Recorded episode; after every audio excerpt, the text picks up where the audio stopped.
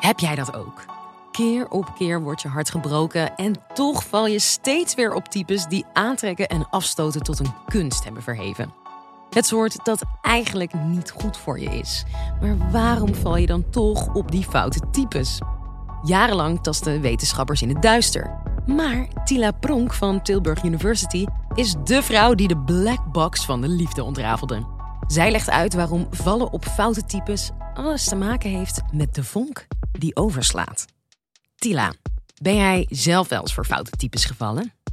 Ik ben zeker in het verleden voor foute types gevallen. Dat was echt de story of my life uh, voor lange tijd. Dus mijn hart is heel vaak gebroken geweest. Inmiddels uh, kan ik zeggen dat ik uh, het tij beter te keren. En heb ik een hele lieve, betrouwbare en toch ook nog hele spannende en leuke partner gevonden. Dus ja, de jackpot is binnen. Goed nieuws. De foute typecyclus kan doorbroken worden. Nou, ik ben een en al oor. En jullie, enjoy!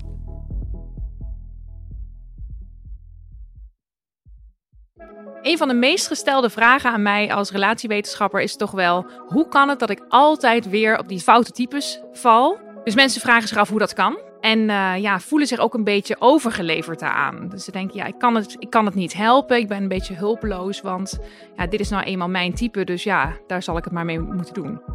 Voordat ik je ga vertellen hoe het kan dat mensen vaak op foute types vallen, begin ik even bij het begin. De vonk.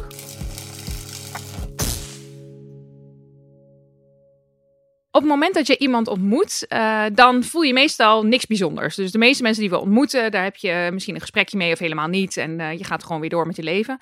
Maar soms ontmoet je iemand en ja, dan voel je gewoon het vuur branden. De, de, de vonk die slaat over de vlammende pan. We kennen allemaal wel dat gevoel. Het is eigenlijk een hele lichamelijke ervaring. Dus je voelt eigenlijk een soort van nervositeit in je lichaam. Uh, als je goed oplet, voel je ook echt dat je lijf reageert, dat je hart sneller gaat kloppen, dat je misschien een beetje zweterige handpalmen krijgt.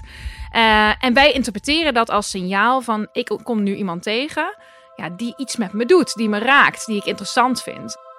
Mensen vragen ook wel eens aan mij: ja, bestaat dat nou echt liefde op het eerste gezicht? Er is wel degelijk een verschil tussen de vonk en verliefdheid. Wetenschappelijk gezien is de vonk natuurlijk nog geen liefde. Liefde is heel complex, heeft heel veel lagen. Het is meer een soort van lust op het eerste gezicht of interesse op het eerste gezicht. Dus er kan wel gelijk echt iets met je gebeuren, maar ik zou dat nog niet uh, betitelen als liefde. Als je het gaat hebben over verliefdheid, dan kijk je ook vaak eigenlijk naar de symptomen die iemand uh, uh, heeft. En uh, verliefdheid hangt heel erg duidelijk samen met obsessieve gedachtenpatronen. Dus mensen die verliefd zijn, denken 85% van de tijd aan degene op wie ze verliefd zijn. Dat is gigantisch veel. Dat maakt je eigenlijk een soort van ontoerekeningsvatbaar. Want ja, het gaat maar eens 85% van de tijd aan iets denken. Nou, dan kan je dus verder niks doen. Dus je bent eigenlijk een beetje useless. We zien ook dat die mensen echt minder gaan presteren op hun werk. Zich niet meer kunnen concentreren. Vaak last van slapeloosheid. Uh, verminderde eet, eetlust. Uh, eigenlijk heel heftig. Een soort van ziekte is het. Verliefdheid is ook echt iets wat, wat, wat later ontstaat of kan ontstaan als je die vonken verder op doet laaien, zeg maar.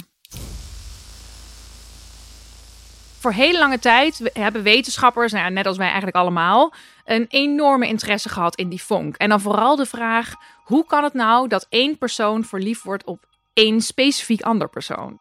We weten wel in het algemeen dat sommige mensen iets populairder zijn als partner dan anderen. En dat hangt dan samen met hele voor de hand liggende dingen, zoals iemand die er knap uitziet, iemand die intelligent is, humor heeft. Ja, al die karaktereigenschappen of persoonlijkheidskenmerken spelen een rol in algemene populariteit.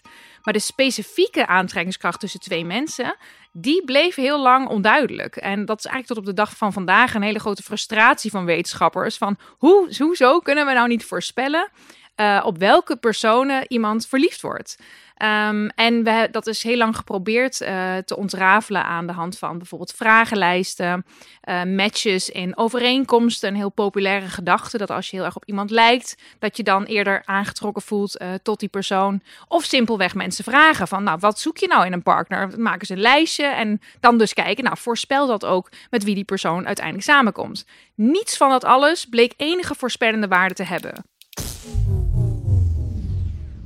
is natuurlijk eigenlijk heel verrassend. En ook, ja, en ook dus best wel frustrerend. Van hoe kan het nou dat wij dat niet weten? Dat we het niet kunnen begrijpen?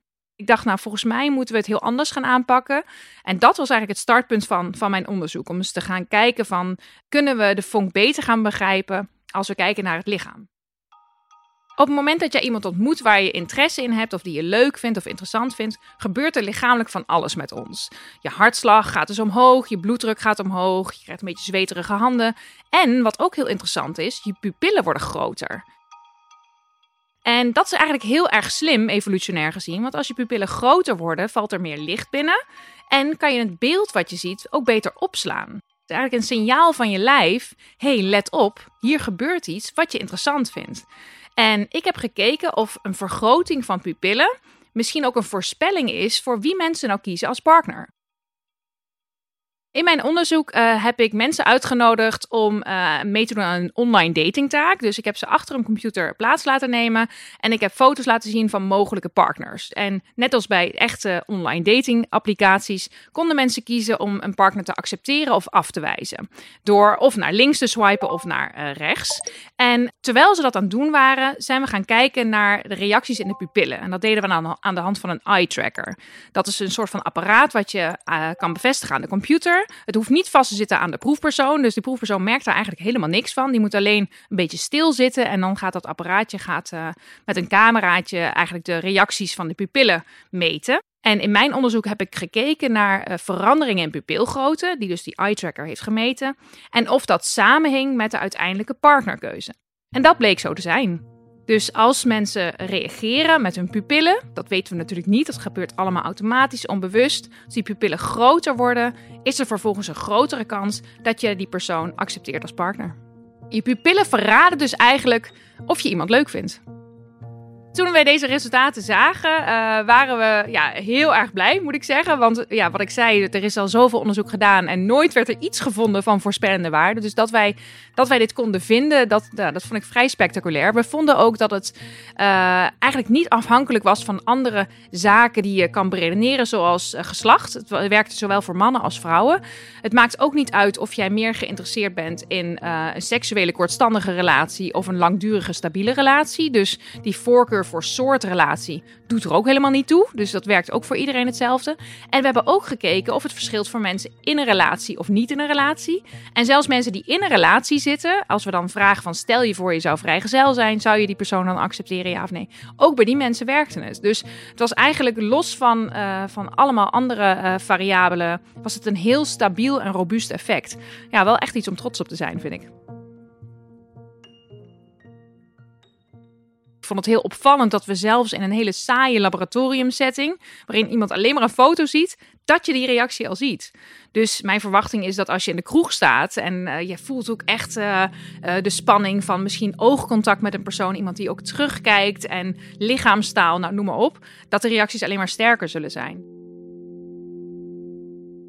Hoe kan het dat je telkens op foute types valt? Nou, op het moment dat wij iemand ontmoeten en onze pupillen reageren, dus onze pupillen worden groter, dan kan dat verschillende dingen betekenen. Het kan betekenen dat je iemand ziet die misschien wel de liefde van je leven is. Dan reageren je pupillen daarop, die worden groter en ja, je lichaam gaat daardoor ook in een staat van opwinding. Maar het kan ook betekenen dat je pupillen groter worden omdat je lijf eigenlijk probeert te vertellen: hey, let op, je bent in gevaar. En het verwarrende en ook wel een beetje frustrerende is dat die signalen precies hetzelfde zijn. Dus de lichamelijke reacties zijn eigenlijk identiek, terwijl de boodschap natuurlijk heel anders is. En je reacties ook heel anders zouden moeten zijn. Want in het ene geval moet je toenaderen en in het andere uh, geval moet je natuurlijk wegwezen. Het kan dus zijn dat jij een signaal krijgt van je lichaam: hey, let op. En jij interpreteert dat als: hey, let op, dit is een heel aantrekkelijk persoon. Terwijl je lijf je eigenlijk wil vertellen: hey, let op, hier staat weer zo'n fout type, dus wegwezen hier. Ja, natuurlijk is dat uiteindelijk heel slecht geregeld door de natuur. Want het liefst zou je een heel duidelijk signaal krijgen van: ja, groen vinkje, de man van je leven of de partner van je leven, uh, let go. Of nee, pas op, uh, ga heel snel wegrennen. En het is eigenlijk heel gemeen dat die twee signalen zo op elkaar lijken. En vooral als je in patronen zit waarin je voortdurend eigenlijk met foute types uh, belandt in relaties, kan het zijn dat je, je eigenlijk hebt geleerd om een link te maken tussen die kriebel in je buik, die eigenlijk gevaar betekent, met aantrekkingskracht. En het heeft er ook mee te maken dat wij überhaupt eigenlijk spanning eigenlijk willen in een relatie. In een liefdesrelatie, dat is ook een beetje paradoxaal, wil je dat het spannend is. En wil je ja, dat het een beetje onzeker is. En wil je nog een beetje iemand voor je winnen. En uh, ja, die spanning doet het heel goed ook op seksuele aantrekkingskracht. Maar tegelijkertijd willen we natuurlijk ook een stabiele en liefdevolle partner. Stel je hebt dan een date met een betrouwbaar, stabiel persoon die echt het beste met je voor heeft, maar je denkt tegelijk, oh boring, ik voel hier helemaal niks bij. Ga dan je lijf een beetje voor de gek houden door samen iets heel spannends te gaan doen.